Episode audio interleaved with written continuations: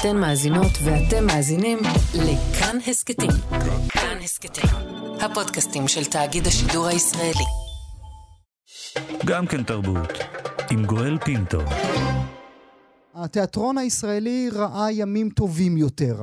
היו שנים, חלקכם בוודאי זוכרות וזוכרים, שדור שלם של מחזאיות ומחזאים, במאיות ובמאים בעטו לצופים בפנים, העניקו להם מראה להתבונן בעצמם, להתבונן בארצם. הבעיטה עבדה כנראה, כי הצגות רצו מאות פעמים על הבמות ברחבי הארץ, ונתונים הראו, ובכך התגאו במשך שנים הקברניטים, שישראל מובילה בעולם במספר המבקרים בתיאטרונים בהשוואה למספרם באוכלוסייה. אבל אבל היום התיאטרון נראה אחרת לחלוטין, הוא לא השכיל להקים דור חדש של עומדים בשער, בחר להגיש לצופים את המכנה המשותף הרחב ביותר. הבעיטה הוחלפה בליטוף, ודרמות משפחתיות, או לחילופין מחזות זמר, החליפו את הביקורת על החברה. מי שהוא בן הדור ההוא, הבועט, הוא הלל מיטלפונקט, האיש שהביא לנו את מכולת, על הערך שאנחנו כחברה נותנים לכסף, את מאמי, אופרת רוק שעסקה בקיפוח וביחסי יחסינו לפלסטינים, את גורודיש על גיבור מלחמת ששת הימים שמואל גונן, את אנדה על פרשת בחירתם של עדי התביעה במשפט אייכמן, ועוד ועוד עשרות של מחזות שבכולם, בלב ליבם, ביקורת חברתית בועטת. לא רק מחזות, תמיד אני נהנה לזכור את פרט הטריוויה הנחמד של מיטלפונק, גם כתב את התסריט לסרט ספר, ספר, ספר נשים של זאב רווח, וגם לסרט נוסף של רווח, 180 מעלות באופיו ובתמה שלו, בובה. עכשיו מעלה מיטלפונקט מחזה חדש בהבימה, אותו הוא גם מביים. קוראים לו נוקמים סיפור אהבה, שבליבו הצגה בתוך סרט וגם קטעי שירה יש בו. גילה אלמגור מגלמת זמרת עבר בלהקת הבריגדה, שנזכרת לשמש יועצת תקופתית לסרט, ומגלה כי בעצם את סיפור חייה מצלמים שם. כאמור, הלל מיטלפונקט נמצא איתנו באולפן, בוקר טוב לך. בוקר טוב. אני שמח מאוד שאתה נמצא איתנו הבוקר, הלל. כאשר אני אומר, אה, אחד מגדולי המחזאים בישראל, איך אתה מול ההגדרה הזו? זה נוח לך, או שאתה רוצה להגיד לי, תפסיק לבלבל את המוח? Uh, קצת תפסיק לבלבל את המוח, כאילו, uh, לא, לא שאני לא מעריך את עצמי, כאילו, אני די מרוצה מעצמי, לא תמיד. Uh, אבל עדיין, אני אומר, אחד מהגדולים, אז צריך שיהיו פה עשרות. Mm.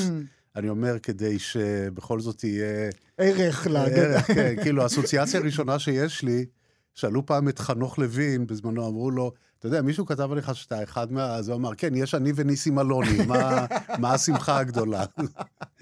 אז זה נחמד, אבל... זה באותם עולמות. אבל ניקח את זה קצת אה, יותר צנוע, כן. מה היה המחזה הראשון שהעלית בתיאטרון רפרטוארי?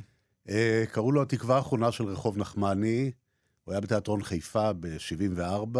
אוקיי. ביים אותו הלל נאמן. בן כמה היית ב-74? 26. וואו, 26. וואו. אוקיי. איך ילד בן 26... אה, אפילו 25 נדמה לי, כאילו עשיתי את החישוב עוד פעם. כן. איך ילד בן 25 מעלה מחזה משלו בתיאטרון חיפה? האמת שזה היה לי תהליך מאוד... אה, כאילו, יכול להיות שהיום לא הייתי מעז, אבל אה, התחלתי לכתוב מחזות אה, בגיל די צעיר יחסית, כאילו, למדתי בבית ספר תיכון עם מגמות לאומנות. אה, קראו לו רננים, הייתה לנו שם קבוצת תיאטרון קטנה, וכתבנו, שיחקנו וביימנו. ואני חושב שהיום, אני חושב שהייתי יותר מודע לקשיים mm. אה, ולחוצפה שצריך כדי לשלוח מחזה לתיאטרון. אז היה נראה לי זה מהלך מאוד מאוד טבעי mm. מצידי. אז פשוט ישבתי וכתבתי, וכאילו, הדבר המדהים שהיה, אני זוכר, שלחתי שני מחזות לתיאטרון חיפה. מי ישב אז שם? עודד? אה, עודד קוטלר היה מנהל אומנותי. והייתה מלחמת יום כיפור, הלכתי למלחמה, וכשחזרתי מהמלחמה, חזרה לאוניברסיטה, אה, קיבלתי טלפון מעודד קוטלר, שהוא במקרה בתל אביב, הוא רוצה לדבר איתי על שני המחזות, כי הוא רוצה לעשות אותם. אז היה כאילו שניים ב... במכה, שזה וואו. היה... ואותה תקווה האחרונה של רחוב נחמני, זה היה שווה משהו? כן, כן, זה היה מחזה שאני... אתה מעז להסתכל עליו היום? לחלוטין, לחלוטין. Okay. אוקיי. א', יש לי הרבה מחזות שאני מאוד אה, אפילו מתגעגע אליהם, אני הרבה פעמים שואל את עצמי, אם לא שווה לעשות להם היום, שאני אולי קצת יודע יותר, mm. לפחות טכניקה של כתיבה וכולי, mm. אם לא שווה כאילו לתקן את הפגמים. Mm. כי היו שם פגמים במחזה. אה, באותה תקופה גם כתבתי, המחזה השני קראו לו הקוף, יותר קל לי לקחת את הדוגמה לגביו, כי אני תמיד אומר שזה היה מחזה על אה, אה, חלומות וסיוטים של חיילים, היה בו משהו מאוד אבסטרקטי, מאוד אה, בניגוד לריאליזם שאפיין אולי מהמם. מחזות אחרים. ואני תמיד אומר, אה, כמו שכתבתי אז, אני לא יכול לכתוב היום. מצד שני, היום הייתי כותב אותו הרבה יותר טוב, Mm. אני, אני מניח. אז גם לגבי התקווה האחרונה של רחוב נחמני, אני חושב שהיו שם אה, דמויות כתובות היטב, אם אני מנסה להיות אה, ביקורת דרך איזו מכונת זמן מטורפת. אה, היה שם דיאלוג שהיום אה, לא הייתי מתבייש בו. אה, אני חושב שהמבנה היה טיפה מלודרמטי, עם הסתברויות קצת לא כל כך הגיוניות, אבל ההצגה התקבלה יפה, וגם רוב הביקורות היו טובות. כתבו עליו? כן, כן, כתבו עליו בהחלט. אה, היחידי שלא אהב אותו היה גמזו, ועל זה אמרו לי, עכשיו התקבלת, כאילו, הוא לא אוהב את זה. אם גם זה לא אוהב את זה, אז אתה-. חלק מהדבר. יש מחזה מתוך אותם עשרות שאתה ממש נבוך ממנו? אה, כן, כן, זה לא כל כך המחזה כמו ההפקה. תמיד אמרו לי, תשמע, אתה עובד עם רפרטוארי וזה, אבל הכסף, אתה יודע, נמצא בתיאטרון מסחרי. כמובן. ומה שלא נכון כל כך לגבי הארץ, כי... אבל לא, כאילו, אז... אה, זה היה בדיוק אחרי שהתגרשתי, והלכתי לשכור איזה דירת חדר, ואמרתי, אוקיי, צריך אה, לדאוג למחייתי. וקיבלתי הצעה משניים, שלושה מפיקים אה, שאמרו, בוא, תכתוב מחזה, אנחנו נפיק, ותשמע, אנחנו יודעים להריץ. לפוצץ. קטסטרופה, כאילו... א', המושגים שלי על מה זה מסחרי לא היו קרובים עדיין לכמה מסחרי צריך להיות נמוך כדי לעבוד, כאילו, לפחות באותה תקופה. ב', אני חושב ש... מה תוך- זה היה? איך קראו למחזה? איך קראו לזה? אפילו השם כבר נש- נשמע כמו סרט עם לואי דה פינה, אתה יודע, קראו לזה חופשה בסן טרופה. כאילו. נחמד. עכשיו, היה שם משהו, שוב, מהמחזות שאני אומר, אולי יום אחד אני אחזור אליו.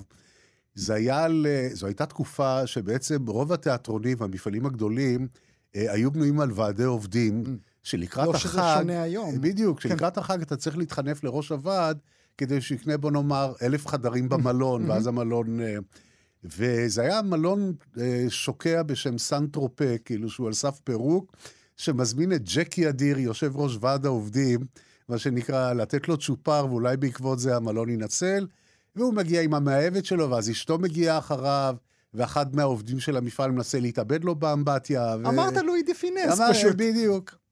וכאילו, אני חושב שבגרעין שם הוא, הוא מאוד נחמד המחזה, משהו לא עבד, לא בקומבינציה עם המפיקים, כי אני חשבתי שאני מתגלח עליהם בתיאטרון מסחרי, הם שתמיד היוו אמנים לארץ ממוזיקה, מג'אז וכולי, החליטו להתגלח עליי בעניין של בוא נפיק הצגה. מעניין. אז... אה, מעניין. אז זה מעניין אותי, כי זה מוביל אותנו, אה, חשבתי לשמור את זה מעט לאחר כך, אבל זה מוביל אותנו לזאב רווח, העבודה המשותפת שלך. הזכרתי את ספר נשים, הזכרתי 180 מעלות ממנו את בובה. כן. אה, איך, איך זה עבד ביניכם? איך זה בכלל, איך יצא שכתבת תסריטים לזאב רווח? תראה, א', זה התחיל... אה, זה התחיל מחברות מאוד גדולה, Mm. כאילו, אבל לפני החברות אה, היה לי מחזה בשם שרג הקטן, שהיה בתיאטרון בטח. חיפה. שגם היה סרט, לא? כן, כן. אוקיי. וזאביק אה, במקרה הגיע להצגה, והוא אמר, תשמע, אני מת על זה, בוא, בוא נעשה סרט. אמרתי לו, טוב, בוא נעשה סרט, כאילו... אה, והתחלנו לשבת לכתוב תסריט, ונורא נהניתי לכתוב תסריט, כי בניגוד לתיאטרון, שאתה מכניס את עצמך לחדר, ונמצא שם לבד מול הקיר Mm. כמה שעות, Mm. אכלנו דגים, הסתובבנו על חוף הים, ראינו סרטים, כאילו הוא אמרתי... הצחיק אותך. הוא הצחיק אותי, אמרתי, זה נחמד אה, להיכנס לעסק הזה. שיחקנו קצת כדורסל פה ושם.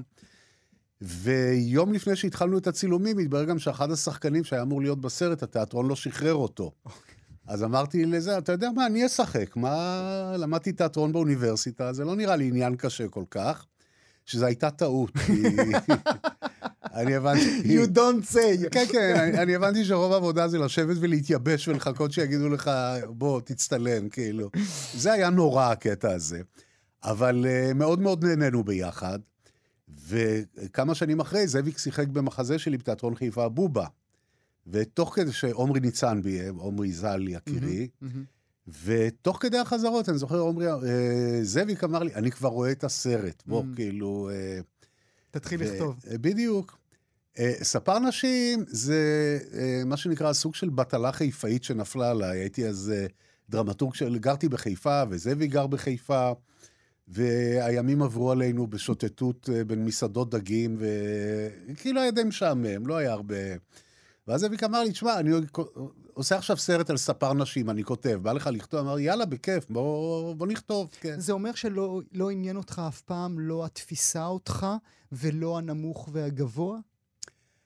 אה, זה כן מעניין אותי, אבל... אה, בוא, לקחתי את התקופה ההיא של הסרטים האלה בתור איזה בית ספר לעצמי. כאילו, אני גם חושב שאם היום הייתי מתחיל מסלול, שהתחלתי בזמנו בתיאטרון, אה, מאוד יכול להיות שהייתי הולך לקולנוע. Mm-hmm. כי כשהתחלתי לתיאטרון, בעצם האופציה של התיאטרון, אם אתה לא רוצה להיות מבוגר ממורמר ולמכור דירה, לך לתיאטרון, אל תעשה סרט. אני אומר, היה אז דור שלם של יוצרים שבאמת, חוץ ממנחם גולן, אני יודע, פינטזו עשר שנים על סרט ובסוף עשו ולא היה קהל. והעצב היה רב.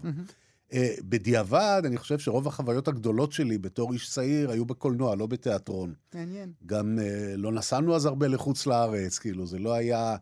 אז uh, משאת הנפש הייתה קולנוע, אבל הפרקטיקה האפשרית של כתיבה ובימוי ולעשות הייתה בתיאטרון. מעניין. מה קרה לתיאטרון הישראלי? הוא נעשה לא מעניין. כאילו, זה, זה התוצאות, אני אומר. כאילו, אני אנסה קצת להיות יותר הוגן, כי זה נשמע... אני חושב שיש, אה, וזה בכל העולם, זה לא רק בארץ, אה, יש תקופות שהן מאוד מאוד טובות, מה שנקרא, לתיאטרון. אה, באנגליה זה היה למשל בשנות ה-60 של המאה הקודמת, גל שלם של מחזאים מג'ון אוסבורן, והמון, המון מחזאים, טרנס רטי, המון מחזאים מאוד מאוד טובים, שפתחו אז מה שהיה נקרא כיור המטבח. המחזות שלחו כנגד mm. כל הקלאסיקה החברתית הישנה של פעם, ופתאום התעסקו בצווארון הכחול, במעמד הפועלים, הבט אחורה בזעם. זה נכנס גם לקולנוע האנגלי, בדידותו של הרץ למרחקים ארוכים, במאים כמו טוני ריצ'רדסון, לינזי אנדרסן. זאת אומרת, זה היה תקופה שלמה שבה לדעתי, אה, עם שנות ה-60 הזוהרות של הביטלס וקרנבי סטריט וכולי, זה הגיע גם לתרבות. Mm-hmm. אני חושב שבארץ קרה את אותו דבר ש... אה, במהלך שבין 67 ל-73, המעבר הזה מהאופוריה אל השבר החברתי הגדול, לא יכול היה שלא להשפיע על התרבות. ואני חושב שבין 73 ל-82, ואולי גם אחרי, מלחמת לבנון, האינתיפאדות, אה, אתה לא יכולת להיות... אה, אם אתה אדם פוליטי, או אדם אפילו בעל מודעות חברתית וכולי, ואתה כותב, אתה לא יכולת להתחמק מהנושא. Mm-hmm. אה, ומתי הפכתם קהים? מהו רגע הזמן? אני חושב שרגע הקהות, אה, כאילו, א', אני מסרב במתי הפכתם. כאילו, אה, כי אני חושב שגם במחזה האחרון בהבימה. וגם בזאבים בקאמרי על, ה, על משפחה רוויזיוניסטית. אני... מתי מנס... התיאטרון הפך כהה? אני חושב שהתיאטרון הפך כהה אה, כאשר המחזאים עצמם קצת התייאשו ממושאי הכתיבה שלהם. אה, אני חושב שזה כאשר המילה כיבוש פתאום הפכה למילה יותר ויותר נדירה. כאילו פעם היה שתי, אה, שני עמים, שני מדינות, mm-hmm, mm-hmm. כן כיבוש, לא כיבוש. Mm-hmm. שלום, לא שלום. אה, משוחרר, לא משוחרר. Mm-hmm. כל מיני ביטויים שכבר לא קיימים בלקסיקון. Mm-hmm. אה, כאילו, הסיטואציה הפכה להיות איזושהי סיטואציה שבה היוצרים אומרים, לכתוב עוד פעם על הערבי המסכן, או היהודי הקלגס, או, או לחילופין היהודי הסובל. אה, אחד הדברים שאני זוכר, שמאוד אהבתי כשכתבתי את מאמי בזמנו, שזה mm-hmm. היה ב-86 נדמה לי, זה שבאו לראות את זה חברים ערבים שעבדו איתי בתיאטרון, ואחרי שיר האונס הם אמרו לי, תשמע, אנחנו נורא נעלבנו. אמרתי, תודה לאל, גם אתם נעלבים, mm-hmm. כאילו, כל הזמן אנחנו אמורים להיעלב קצת בתור שמאל, קצת בתור אוהבי ערבי, כאילו, כן, מגיע לכם גם כן קצת uh, לטעום מהחרפה הזאת. Mm-hmm. Uh, כי אני חושב שבאמת, אם, אם היית אדם פוליטי ואדם עם מודעות ו, ומודעות חברתית, לא יכולת שלא להביא את זה למדיום שאתה יוצר זה בו. זה אומר שהיום הם חסרי, הדור החדש, הם חסרי מודעות פוליטית, או שהם פשוט בוגדים אה, למקצוע? הם בוגדים, הם בוגדים למהות אני, של הדבר? אני חושב שרובם חסרי מודעות, אני גם חושב שזה עניין של גיל. אתה יודע, אני בזמנו כתבתי אופרת רוק עם נקמת הטרקטור, סמרה. Mm-hmm. אה, שלא רצה הרבה, כי אה, לא משנה. ואחד הדברים שמאוד אה, הדהימו אותי, כאילו עבדתי עם בללי וגרין, חבר'ה נחמדים, חוסר המעורבות הפוליטית שלהם, אמרתי, אתם, אתם לא יכולים רק לחיות את ה-MTV ואת ה... עכשיו, זה אנשים שהיו צעירים ממני ב-10-15 שנה, מהמם. ואני כבר ראיתי איזושהי מגמה, היום כשאני מדבר על זה עם בללי, הוא אומר, אה, כן, מוזר מאוד, מהמם. כאילו, באמת, אה, אני לא מבין איך הייתי היינו? אז, איפה מהמם. היינו. אבל אני חושב שזה היה דור שלם שכשנכנס הערוץ השני, ונכנס ה-MTV, והריאליטי, והסטנדאפ קומדי, שלדעתי כבש כל חלקה בארץ, אה, למשל, אין, אין היום תיאטרון סאטירי, מה מהמם. שהיה בזמנו, עסקתי בזה הרבה עם סובול, מהמם. בצוותא, אין תיאטרון סאטירי.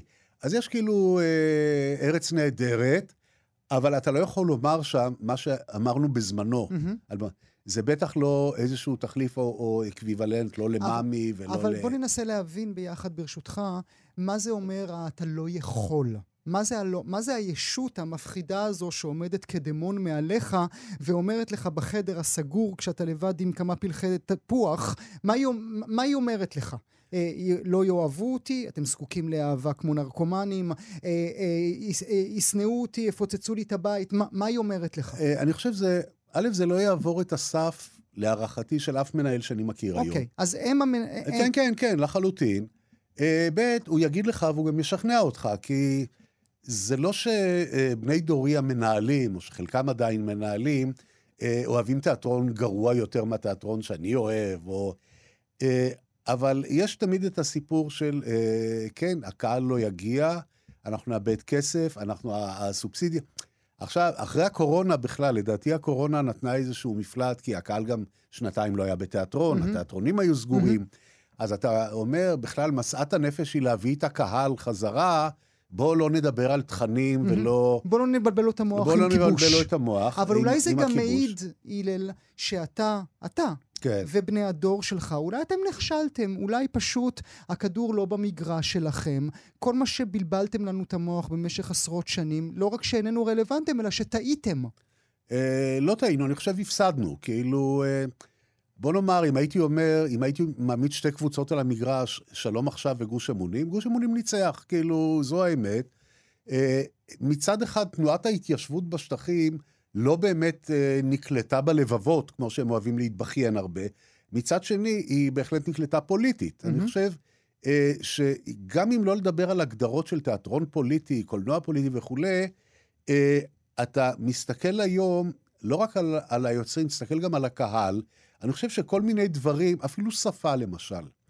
שפה שהשתמשתי בה, נאמר, במחזה מי תהום, שהיה בהבימה על ישראל השנייה, מחזה שהיה חברתי מאוד, מחוספס, גז, היא לא הייתה עוברת קהל היום. כי? כי הקהל נעשה מאוד מאוד שמרני. אני חושב, סצנות של עירום לא עוברות היום בתיאטרון הישראלי. לא. אה, דברים שעברו לפני 50 שנה. מחזה כמו מי מפחד מווירג'יניה וולף, שעשו בזמנו בהבימה באמת לפני הרבה שנים, ושהוא מחזה נפלא ונהדר וגאוני וכולי. אה, היום אה, אתה מקצר אותו, ביימתי אותו, אז אני יודע, הוא שלוש שעות ומשהו. מהמם. היום אתה מקצר אותו לשעה וחצי. כי אנחנו לא יכולים לשאת יותר כי מזה. אנחנו לא יכולים לשאת יותר מזה, זה רק תיאטרון, כאילו, לא באנו באמת לשקוע ב- מהמם. באיזה עניין. ובעיקר, אני חושב, מדובר כאן בחברה מאוד שמרנית. מהמם. אה, סתם, היה לי, הייתה לי הפקה בקאמרי, חברים של חברים, שהיה שם בסוף איזה קטע של סטריפטיז והתאבדות. זה עבד יפה מאוד בתל אביב. אמרו לי, אף אחד לא רוצה לגעת בזה מחוץ לעיר. מהמם. עכשיו, אתה מבין שמדובר בבעלי אולמות, או אה, בוא נאמר... אותם ועדי עובדים עליהם טעם, דיברת, בדיוק, כן. קובעי טעם. חלק גדול מהקהל שלהם הם או מסורתיים, או דתיים, או שמרנים וכולי. הוא חושש לכיסו, הוא חושש למקומו, הוא לא ייקח את ההצגה. ואתה מבין את זה? אתה מבין את זה שכשאתה מקבל משכורת ממני, כמי שעובד בתיאטרון רפרטוארי שממומן על ידי משרד התרבות, גם אני מקבל משכורת ממך, כן, דרך כן, אגב, אוקיי. כן? אני- בשידור... כן. כן, לא, לא לקחתי, אנחנו ביחד. אנחנו לא בחילופי ארנקים כרגע, בדיוק. אתה מבין שיש לך מחויבות גם אליי? אתה מבין שהתכנים שלך אולי היום לא עוברים? לא, אני חושב שהתכנים שלי עוברים, אני חושב שהתכנים שלי עוברים להרבה פחות אנשים. Mm. אה, גם שלי, דרך אגב. כן, אוקיי. תראה, מאמי זה היה אה, מקרה מבחן מאוד מאוד מעניין, כי זו אופרת רוק שהייתה מאוד פוליטית, חריפה, אה, ועשינו אותה בצוותא. Mm. למה בצוותא? כי בצוותא היו הסאטירות הפוליטיות, אז uh, עכשיו נעשה אופרת דרוג בצוותא. וזה התחיל כפלופ טוטאלי, כי הקהל של צוותא, שהיה רגיל, בוא נאמר, למופעים מסוג אחר, אם זה מוזיקה, אז נאמר חווה אלברשטיין, או... אה, כאילו, הם, הם לא הבינו מה כל הקונספט הזה והרעש הזה. ומה אתה רוצה מהם. וקהל לא הגיע, ומה אתה רוצה מהם. וציון, שניהל אז את צוותא, עלה על רעיון מאוד מאוד מעניין. הוא אמר, אנחנו נזמין לכל הצגה 100 חיילים בחינם. אוקיי. שיבואו לראות, כי? הם, הם יהיו השגרירים שלנו. Mm. הוא האמין בזה שאנשים צעירים יאהבו את זה, והקהל של צוותא קצת מבוגר יחסית, עוזבי קיבוץ, מה שנקרא שמאל מסורתי ישן, תל אביבי. שאולי גם הוא לא קיים יותר. שאולי גם הוא כבר, אה, לא, הוא קיים, אבל לדעתי הוא קיים במספרים מאוד, אה, הוא קיים בשמורות, מה שנקרא, לא ב... מהמם. וזה זה מה שעשינו, וההצגה הפכה להצלחה ענקית. Mm. עכשיו, היא הפכה להצלחה מאוד מאוד גדולה, לא בגלל המסרים שלה, אני חושב שאותם, רוב החיילים שהגיעו, גם אם היו באים היום, הם היו חיילים שרובם הגיעו מעיירות פיתוח, עם Mhm. אוריינטציה ימנית, Mhm. אולי אפילו מסורתית. אני חושב שהמוזיקה עזרה להם לעכל את המסרים. תשמע, אה, גם היום, או במיוחד היום, ממי יממי, תפתחי את הרגליים לשבעה מדוכאים, שבעה פלסטינים, אפס זה משהו שאני לא, לא בטוח שאפילו מותר לי להגיד בשידור הציבורי, אז כן, כן, תראה, גם אז אסרו את זה לשידור, אה, את רוב השירים. מה חשבת על הגרסה או העיבוד הקולנועי של קרן ידעיה לממי? אה, לי זו הייתה אכזבה מאוד מאוד גדולה, כאילו, אני- לא אוהב לפגוע ביוצרים מהמם, שאני... אה, כי אני חיכיתי עם עמי הרבה מאוד שנים. בשביל הרבה- לתת את האישור. כן, היו הרבה מאוד הצעות, אה, וקרן מאוד רצתה, ונפגשנו, והיא שכנעה אותי, ובהתחלה התניתי את זה בזה שאני אאשר את הנוסח הסופי, ואז ראיתי שבאותה מידה שאני לא יכול לסבול שאם אני עושה עיבוד של איזה סופר, מהמם. אני אכתוב, אני כל הזמן. אחשוב שהוא יושב לי על הכתף. אמרתי לה, את יודעת מה? לא, תעזבי, אני משחרר לך את הכל, יש לי רק תנאי אחד, שכל השירים ייכנסו לסרט as it is, כי זה, זו יצירה אחת, מהמם. אי אפשר לפרק אותה ולא לשנות אותה ולא... ואז אתה מגיע להקרנה. ואז ו- אני מגיע להקרנה, וחלק מהשירים לא בפנים, וחלק מהשירים, הטקסטים שלהם שובשו, מהמם. אה, כמו שיר האונס למשל. אה, אח- ואחד הדברים שהכי הרגיזו אותי, אני אומר, אם אני אתייחס לסיפור על אותם חברים ערביים שנעלבו, כאילו, אני, פתאום התחושה שלי הייתה כאילו, קרן שמרה על, אה, על, הדמויות, של, אה, על, על הדמויות שכתבתי מפניי. אסור להם להיות רעים, אסור להם אה, להתגסס, אסור להם לפגוע בדת, וזה היה לי מאוד עצוב ומאוד מאוד חבל. חשבתי על זה אה, שאולי, אה, אני אנסה להסביר את המהלך שיש לי בראש. אוקיי. אולי הקרמה החזירה לך על uh, ממי בדמותה של קרן ידעיה, מה שאתה עשית לאדם ברוך בגורודיש. כי גם הוא שנא את התוצאה. כן, אז הוא שנא מאוד. נזכיר למאזינות ומאזינים, גורודיש היה מבוסס על ראיון שאדם ברוך עשה באפריקה, נכון? והוא גם היה דמות בתוך, ה, בתוך ההצגה. כן, אני טועה? זהו, שם, אה, אתה טועה ולא טועה, אני, אני אנסה לתקן. המחזה לא היה מבוסס על הרעיון של אדם ברוך, אה, אבל היה רעיון מאוד ידוע, אה, מונומנטלי, של אדם ברוך בידיעות. מהמם. שהוא נסע לרפובליקה המרכז האפריקנית והוא ראיין את גורדיש, ופתאום חשבתי שזה יהיה נחמד אם uh, אני אתחיל את העלילה עם עיתונאי ישראלי שנוסע לאפריקה. אמרתי, אוקיי, אולי אדם ברוך. הרמתי לו טלפון, אמרתי לו, תשמע, אני הולך לכתוב מחזה על גורודיש, חשבתי שהעיתונאי תהיה אתה, אולי אני אשתמש גם בכמה ציטוטים מהרעיון, תגיד לי אם זה נראה לך, אם אתה מאשר. הוא היה מאוד אדיב, מאוד נחמד, הוא אמר לי, כן, בטח, בטח. ושנא. ואחרי זה כשהוא בא, לדעתי, הוא מאוד התאכזב מה... נדמה לי, אני לא יכול היום, אה, כאילו, אין לי מי לאשר את זה או לא, למרות שיצאנו לדבר אחרי. אה, הוא קצת התאכזב מהמקום שבו אני שמתי אותו בתוך הביוגרפיה הגורודישית. מהמם. זאת אומרת, אה, לדעתי, הוא באמת ראה את זה כמו אה, אפוקליפסה עכשיו, המסע שלו אל הקולונל קורס, מי שזוכר את הסרט. אני ראיתי את זה בתור עיתונאי שמגיע אה, קצת עם הרקע הדתי המסורתי שלו, קצת עם הוולצ'מרץ אה, של אדם באו, וזה, ומנסה לפענח פסיכולוגית את איש, האיש. את האיש שבעצם לא הפסיכולוגיה, כאילו, שבעצם נדמה לו שבמעשה העזיבה שלו עד אפריקה עם היהלומים, הוא מעניש אותנו כחברה, שזה מעשה מטורף, משהו כמו בסרטים של ורנר הרצוג, אתה יודע, מין... שזו טעות איומה, וכולם אומרים לו, תחזור לארץ. תשמע, אתה כבר לא מעניין אף אחד, כן, אתה יודע. כן.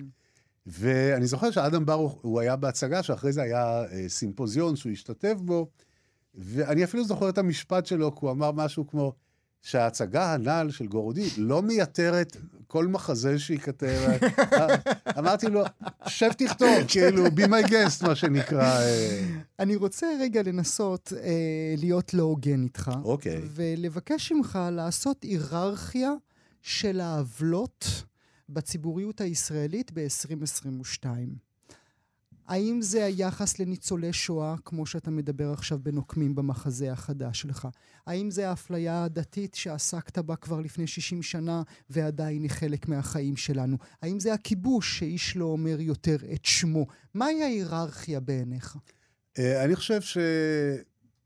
מה שלי הכי מציג ונראה בעיניי הכי מסוכן, אה, שוב אני חוזר לנושא הכיבוש, מה שנקרא.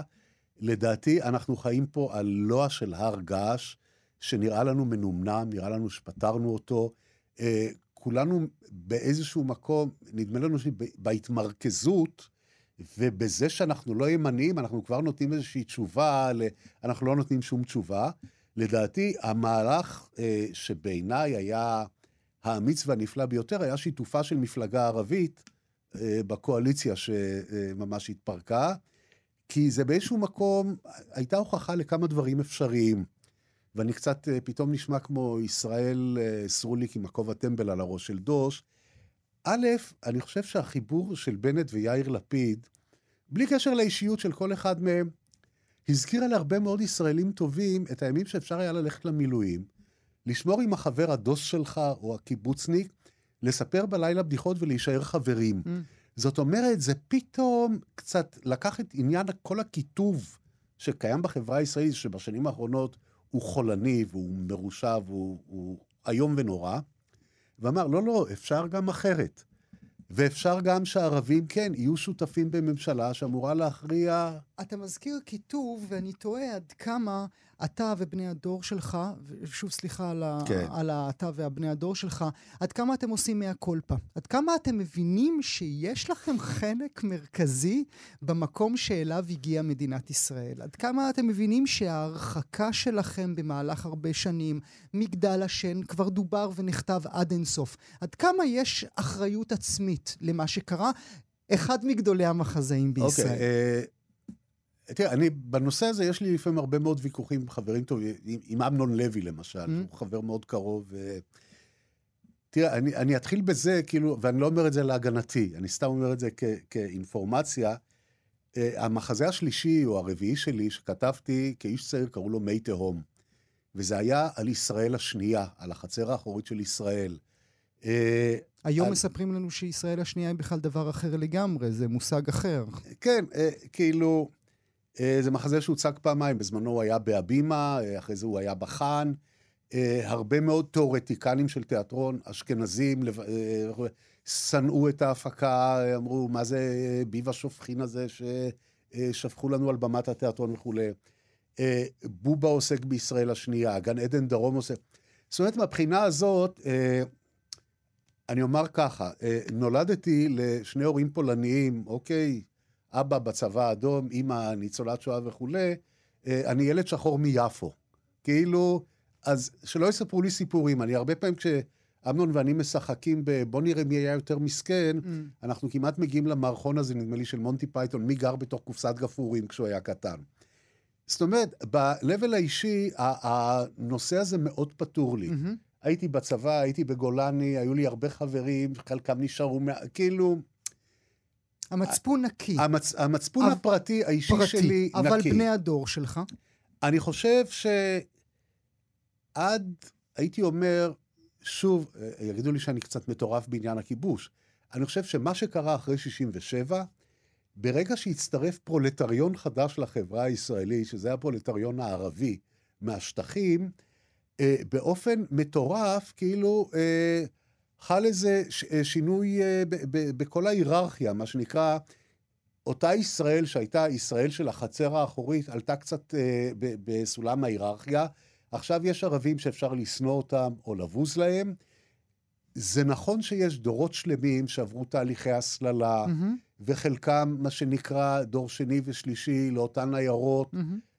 שהן מדמנה של חיי פשע ועוני וסכלות, וזה כל אותם מקומות שלשם ש"ס והימין היום מתחברים, ואפילו, הייתי אומר, מעודדים את חוסר ההשכלה, את תחושת הקיפוח וכולי, כך שיש לזה המון המון אה, משתנים והמון המון אתה יודע שאני יכול מאפיינים. להגיד לי, אבל אתם התחלתם, אני יכול להגיד לך, אבל אתם התחלתם. אה, תראה, אתה זה קל. להגיד היום ש"ס, אבל אתם התחלתם. אה, לא, אנחנו לא התחלנו. תראה, בוא...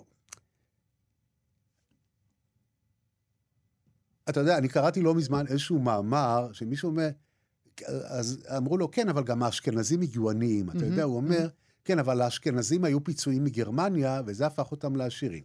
א', אמי סירבה לקבל פיצויים מגרמניה, ב', בתור ילד גרתי בבית ערבי, בעבר הייתי אומר בית ערבי נטוש, כן? היום אני אומר בית ערבי לא נטוש, אלא של אנשים שגירשו אותם ביפו. הוריי היו אנשים קשי יום, ושוב אני אומר, אה, הם הצליחו עדיין להיעזר אחד בשני, מה שאני חושב שחלק מהיהודים שהגיעו לארץ, מה שנקרא, משם, לא הצליחו. אבל אני אומר לך איפה אין בינינו בכלל ויכוח. מהמם. כל ההתקבלות של אה, רוב יוצאי, נקרא לזה, ארצות המזרח, הייתה התקבלות של חוסר ברירה על ידי הממסד הציוני. זאת אומרת, אני התעסקתי הרבה ב- בתחום הזה כשכתבתי את אנדה בזמנו וכולי. אתה קורא ציטוטים של בן גוריון, של ההנהלה הציונית מאז. למות. כן, כן, זה... למות. זה, זה באמת, למות.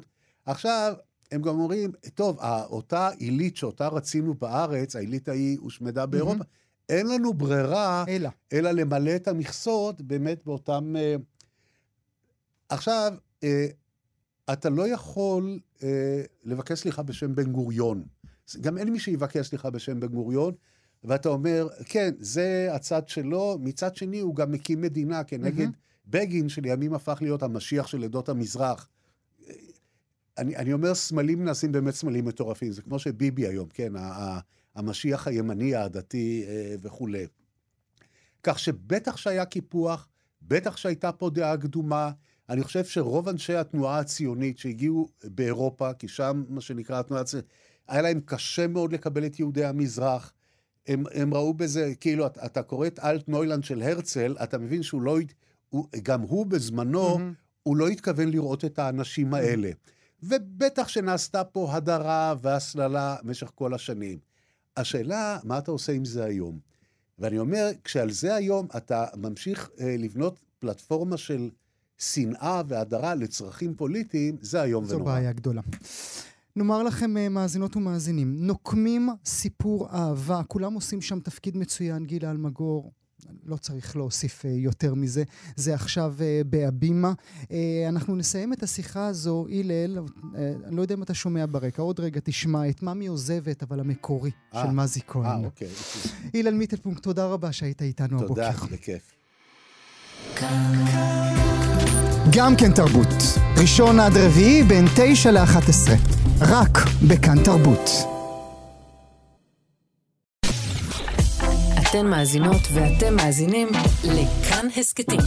כאן הסכתים, הפודקאסטים של תאגיד השידור הישראלי.